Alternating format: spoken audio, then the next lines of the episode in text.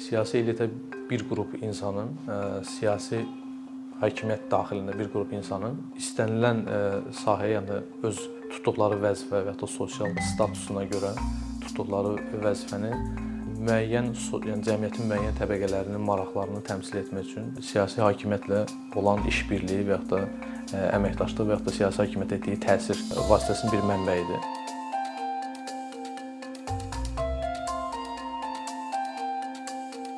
Müasir akademiyada ə, siyasi hakimiyyətlə, yəni demokratik və avtoritar rejimlərlə ə, siyasi elit arasında münasibətlər ə, olduqca kauzativ hesab edilir.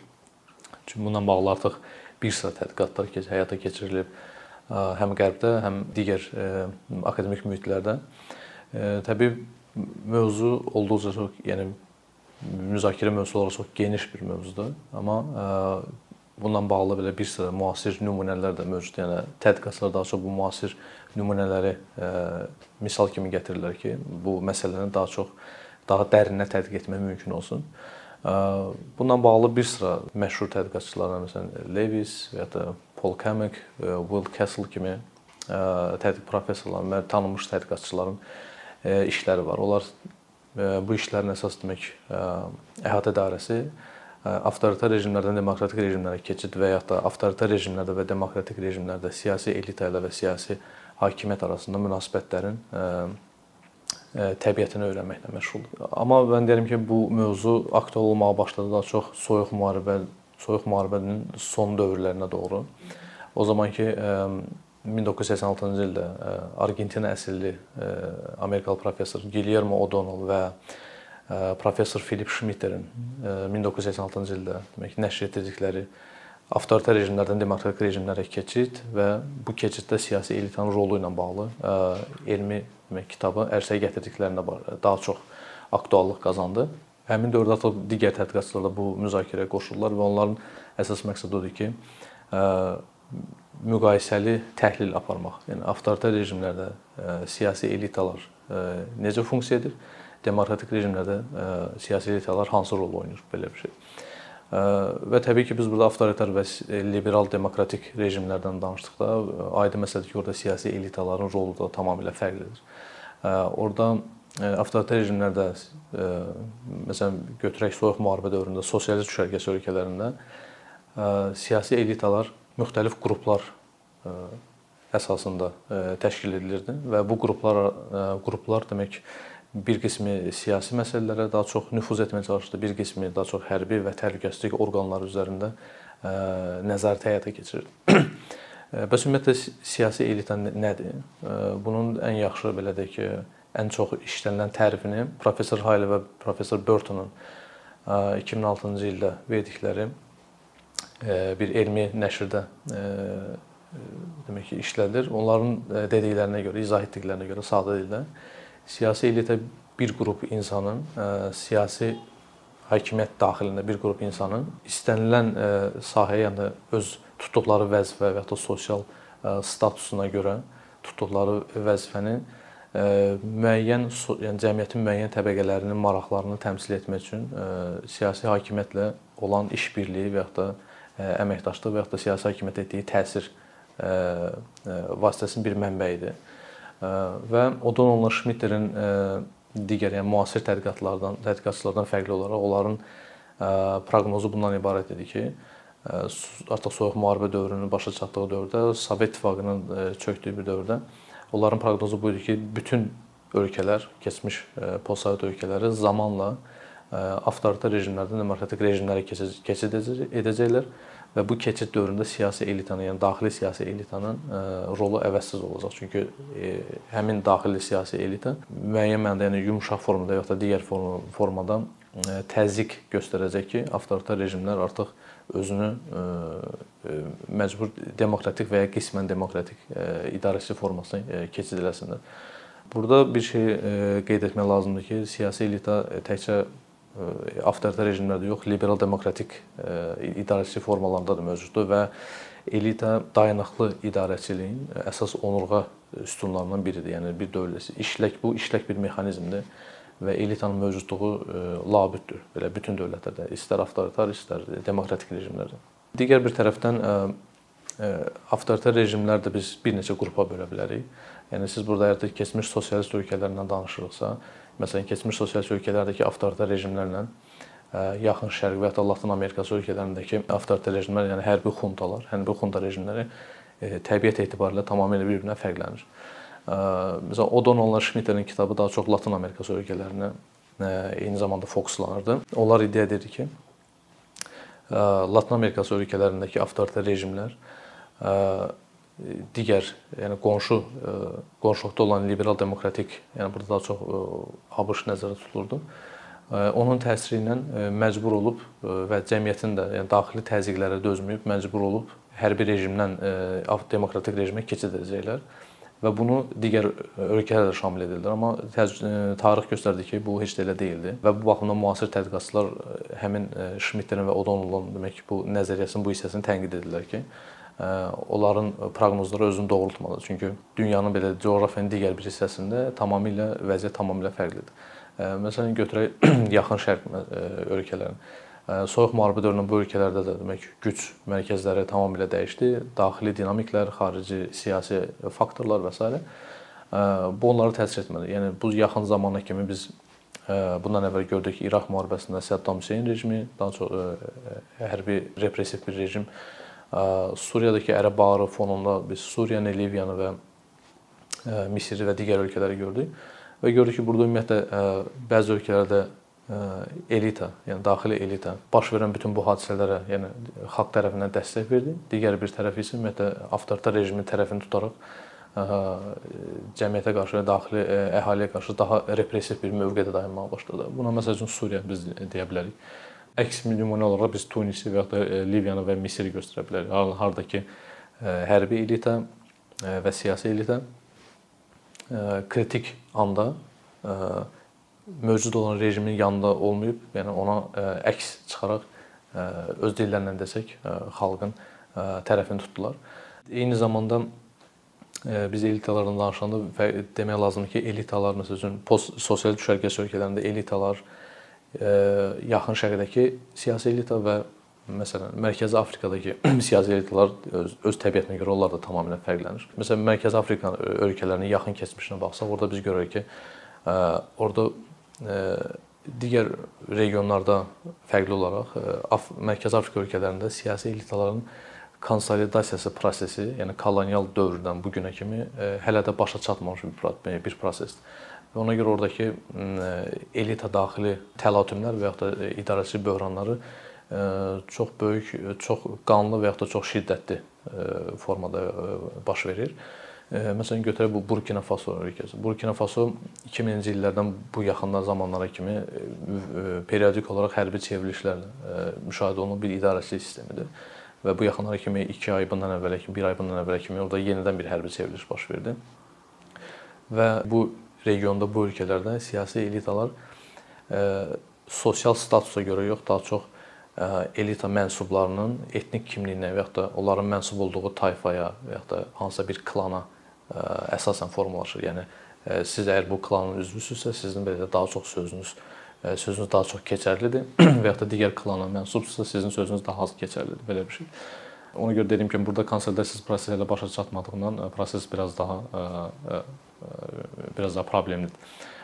Eyni məsələ yaxın şərq ölkələrinə aiddir. Yaxın şərq ölkələrində biz bilirik ki, orada əsas güc mənbəyi güc strukturlarının nəzarətdən irəli gəldiyi üçün elita elita daxilində hərbi strukturlarda və ya güc strukturlarında vəzifə tutan insanların elitada e, daha çox e, nüfuzu var. Onlar daha çox e, siyasi qərar vermə mexanizminə çox rahatlıqla təsir edə bilirlər və ya da öz maraqlarının təhlükə altında olduğunu gördükdə ümumiyyətlə həmin siyasi hakimiyyəti devrə edə bilirlər çox rahatlıqla. Amma digər ölkələrdə təbii ki, biz bunu şamil edə bilmərik. Məsələn, çox götür götürək məsələn qonşu Türkiyəni. Türkiyədə biz bilirik ki, bu yaxın zamanlara kimi, hətta 2000-ci ilin ortalarına kimi hərbi strukturlar və ya hərbi elita kifayət qədər öz sözünü deyən və Türkiyə cəmiyyətində çox böyük nüfuzu olan bir sosial bir zümrə idi. Türkiyənin yaxın keçmişində biz bilirik ki, bir neçə dəfə hərbi çevrilişlər baş verir və digər yaxın şərq ölkələrindən fərqli olaraq Türkiyədə e, demokratik institutlar, yəni seçki institutu, parlament institutu mövcud olduğu üçün burada biz deyə bilmərik ki, məsəl üçün Türkiyədə hərbi çevrilişlə məsələn İraqdakı və ya da Suriyadakı hərbi çevrilişlər təbiət etibarından eynidir. Bunlar tamamilə fərqlidir. Məsələn 27 may hərbi çevrilişindən sonra Türkiyədə hərbi hərbi idarəçi rejim, müvəqqəti hərbi rejim Türkiyənin yeni konstitusiyasını hazırladı və bu konstitusiyanın daha demokratik, parlamentə daha çox imtiyaz verən bir konstitusiya olması üçün idarəçilik institutlarına təzyiq etməyə başladılar ki, bu konstitusiya keçərli olmalıdır və ya da orada parlamentə daha çox imtiyaz olmalıdır seçki sistemi daha daha gücləndirilməlidir. Universitetlərə muxtariyyət verilməlidir, yəni qismən muxtariyyət verilməlidir, akademik azadlıq verilməlidir. Yəni bunlar tamamilə təbiət etibarından fərqlidir. Yəni bir növ belə deyə bilərik ki, Türkiyədə hərbi elitanın üzvləri, siyasi elita var və bir də hərbi elita var. İki qrupa bölə bilərik. Siyasi elitanın olduğu yerdə bir növ hərbi hərbiçilər, Türkiyədə hərbiçilər siyasi idarəçi sisteminə kənardan nəzarət funksiyasını daşıyır. Yəni onlar birbaşa ora müdaxilə etmirlər, amma öz dillərinə desək cümhuriyyətin demək ki, ilkələrindən əsas prinsiplərindən kənarlaşan kimi artıq biz gördük ki, hərbiçilərin aktivləşdiyini görürdük. Və eyni zamanda Lewis və Diamond öz 2008-ci il və 2015-ci ildəki elmi tədqiqatlarında, yəni akademik tədqiqatlarında belə iddia edirlər ki, avtoritar rejimlərdən demokratik rejimlərə keçid o halda da həm də mümkün ola, ola bilər ki, həmin ölkələrdə siyasi elita daxilində bölünmə, parçalanma baş verməlidir və bir qrup digər bir qrupa üstünlük, öz üstünlüyünü qəbul etdirməlidir ki, onlar məsələn avtoritar rejimdən tədricən demokratik rejimə keçid eləsinlər və yaxud da ümumiyyətlə avtoritar rejimlərdə siyasi parçalanma həmin avtoritar rejimin özünün yaxın zamanda demək çökməsinə gətirib çıxarır. Bu özü yaxın zamana kimi çox aktual bir tezis idi və hətta bu tezisi bir çox nüfuzlu universitetlərdə və akademik institutlarda bu tezisi müdafiə edirlər ki, bəli bu həqiqətən belədir. Çünki yəni zaman gələcək, məsələn Rusiyanın özü əsas böyük avtoritar bir sistemin bir hissəsi kimi siyasi elit daxilində parçalanma baş verdiyi halda Rusiya bugünkü idarəçilik sistemi ilə tamamilə yox olacaq və orada tamamilə başqa bir, yəni qismən də olsa bir demokratik bir rejim qurula bilər, belə bir şey. Bu yaxın zamana kimi bu çox populyar bir ideyadır, amma hazırda günümüzdə baş verən hadisələr onu göstərir ki, bu tez sözü də heç də çox qeyri-dəqiq bir tezdir. Bunun problemi ondan ibarətdir ki, Qərb akademiyasında Rusiya ilə bağlı və ya postsovet regionu ilə bağlı kifayət qədər səthi araşdırmalar aparılır. Yəni Qərbdə olanlar bu regionda daxildə və da dərində baş verən hadisələrin ümumiyyətlə belə deyək, tam düzgün yanaşmırlar və da qeyri-dəqiq yanaşırlar. Və Ukrayna müharibəsi və bu müharibədə Rusiyanın çox böyük itkilərə məruz qalması, onun hərbi reputasiyasının kifayət çox böyük zədə alması, hərbi sənaye kompleksinin çox böyük zədə alması yenidən müzakirələri gündəmə gətirdi ki, Rusiya yaxın zamanda, yəni daxili elitanı parçalayacaq və hazırda mövcud olan siyasi rejim ya məcbur olub könüllü formada qismən demokratik sistemə keçəcək və yaxud da tamamilə parçalanıb məhv olacaq. Bunu iddia edəndə biz müasir tədqiqatçılar bir neçə vacib amili nəzərdən qaçırırlar. Bunlar hansılardır? Məsələn, siyasi elita parçalanması o ölkələrdə və o rejimlərdə təsirli rol oynayır ki, orada hakimiyyət kollektiv idarəçilik sistemi əsasında qurulur. Məsələn, götürək Sovet İttifaqının özü. Sovet İttifaqında İosif Stalinə qədər daha çox tək adamlıq bir idarəçilik forması mövcud idi. Stalin ölümündən sonra belə deyək, bu güc balansı, yəni daxili güc balansı dəyişdi və SSR-in əsas idarəçisi oldu politbüro və ya da prezidium dedikləri politbüro və politbüroya daxil olan bürokratlar, sovet bürokratları. Və bu bürokrat bürokratlar tədricən sovet siyasi elitasının əsasını təşkil, özəyini təşkil etməyə başladılar və onlar çevrilib oldular elita. Burada bir qrup məsəl üçün güc strukturlarına nəzarət edir, bir qrup Sovet vaxtının iqtisadiyyatına, kənd təsərrüfatına və s. digər bir qrup ümumiyyətlə yerli idarəetmə orqanlarına nəzarət həyata keçirirdi. Buna biz deyə bilərik kollektiv idarəçilik forması. Yəni üzdə bir baş katib var idi. Məsələn, partiyanın, Kommunist Partiyasının baş katibi. Amma Kommunist Partiyasının baş katibi tək başına kritik qərarlar verə bilmirdi. Çünki burada kollektiv, yəni politburonun üzvlərində burada bir razılığı lazım idi, onlarla müzakirə lazım idi, hesablaşmaq lazım idi onların mövqeyi ilə və daha sonra kritik qərarlar verilə bilərdi. Bu həmin O'Donnell və Schmitterin kitabında da var. Kitabında da mövcuddur ki, kollektiv idarəçilik forması Latın Amerikasında da mövcud idi, qismən də olsa və Sovet İttifaqında da mövcuddur. Amma müasir Rusiyada bu belə deyil. Məsələn, müasir Rusiyada idarəçilik forması kollektiv idarəçilik prinsip əsasında qurulmur. Müasir Rusiyada düzdür, daxildə elita çox ciddi rol oynayır və orada daxili elita dediyimiz əsas məmur oliqarx məmur oliqarxiyası və güclülər, silaviklər dedikləri qrupdur. Bunlar daxildə çox vacib qruplar olsa da, onlar qərar vermə mexanizminə ciddi təsir edə bilmirlər. Çünki burada müasir Rusiyada tək adamlıq bir siyasi hakimiyyət mövcuddur.